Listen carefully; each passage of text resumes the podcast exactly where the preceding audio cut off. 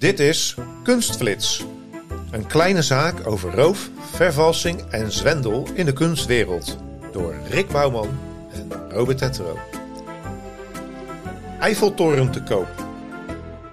Eiffeltoren?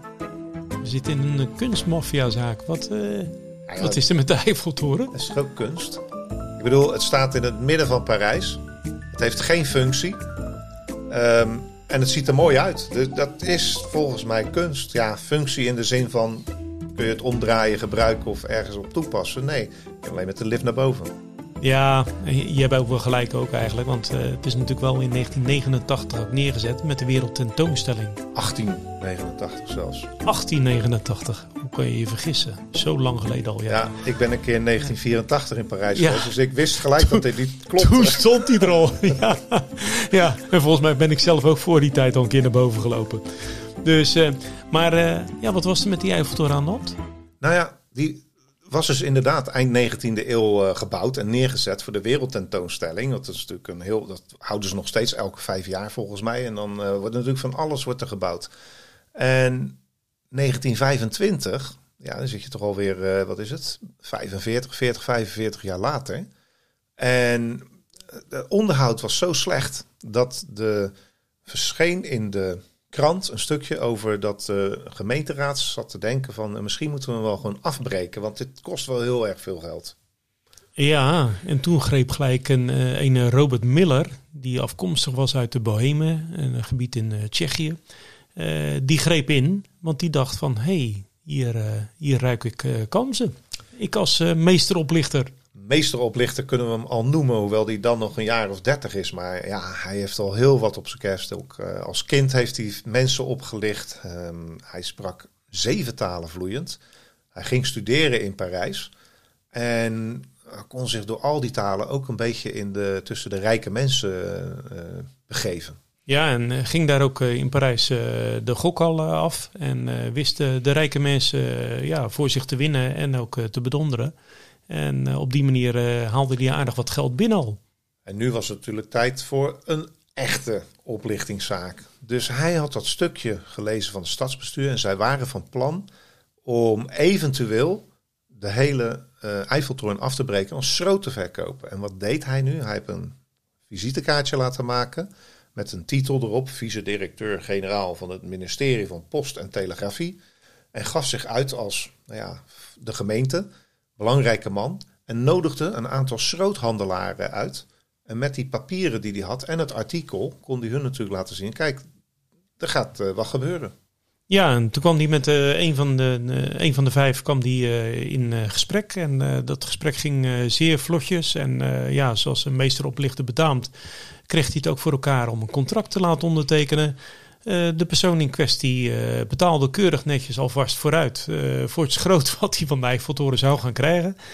Um, maar ja, de Eiffeltoren kwam niet naar beneden. Nee, en, hij, en het hij, geld kreeg hij niet meer terug.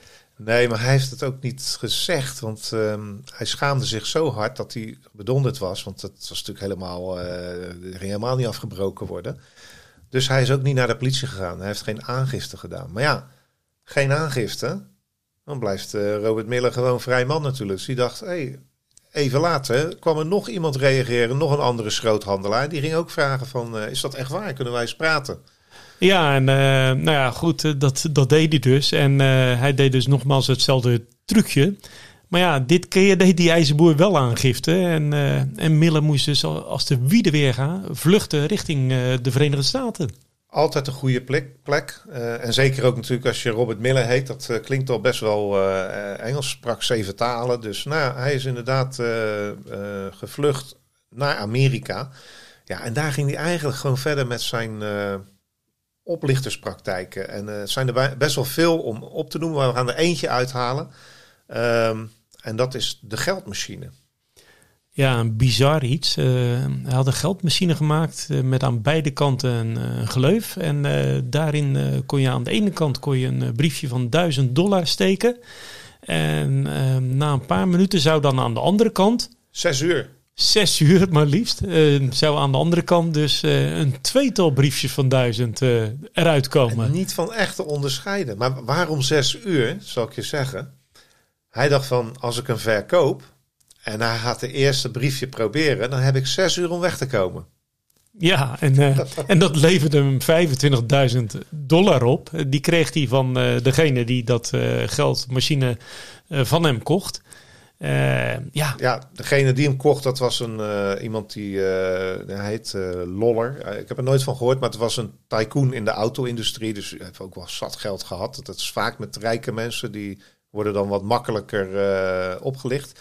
En die betaalt inderdaad geld. Maar ja, die Mille die denkt, ik moet rennen, want ik heb maar zes uur. Maar 1, 2, 3, 4, 5 weken later nog helemaal niks. En wat bleek nou? Dat die Lolle, die was maar aan het proberen. Ik doe iets verkeerds, joh. ik stop dat briefje er niet goed in, want ze komen er niet uit. Of, dat kan natuurlijk ook wel, dat hij dacht... ach, ik zet het maar in de kast, ik snap er niks van. Ja, die mensen waren zo rijk. Maar ja, dit is natuurlijk een, de klassieke truc. Ik, ik geloof dat ik dit wel eens in kinderfilms gezien heb, weet je wel. De, de geldkopieermachine. Ja, nou ja, goed. Uh, die Miller heeft dus uh, diverse keren is hij fout geweest. En uiteindelijk is hij uh, ook diverse keren gearresteerd. Heeft heel vaak in de gevangenis gezeten.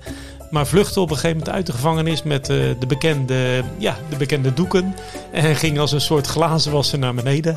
ja, dat deed zich voor als glazenwasser. Nou ja, hij uh, is, is uh, veel ontsnapt, maar uiteindelijk werd hij dan toch gepakt. En voor al die zaken die hij gedaan had, hebben ze alles op een grote hoop gegooid. En werd hij veroordeeld tot 20 jaar gevangenisstraf. In 1935 zitten we inmiddels. En uh, ging hij naar een hele bekende gevangenis toe. Ja, hij ging naar Alcatraz. En uh, nou, ik, ik, ben er zelf een keer wezen kijken als, uh, als toeschouwer. maar daar kom je echt niet meer vanaf. En dat lukte hem dus ook niet. Ik stond aan de goede kant van het hek. Ik stond aan de goede kant van het hek. Maar Miller zat aan de andere kant. En die is er nooit meer uitgekomen. Nee. En Alcatraz ligt er nog steeds, maar is geen gevangenis meer. En de Eiffeltoren, die staat er ook nog steeds strak in de verf. Dus uh, als je hem ooit te koop aangeboden krijgt... Pas op. Niet doen.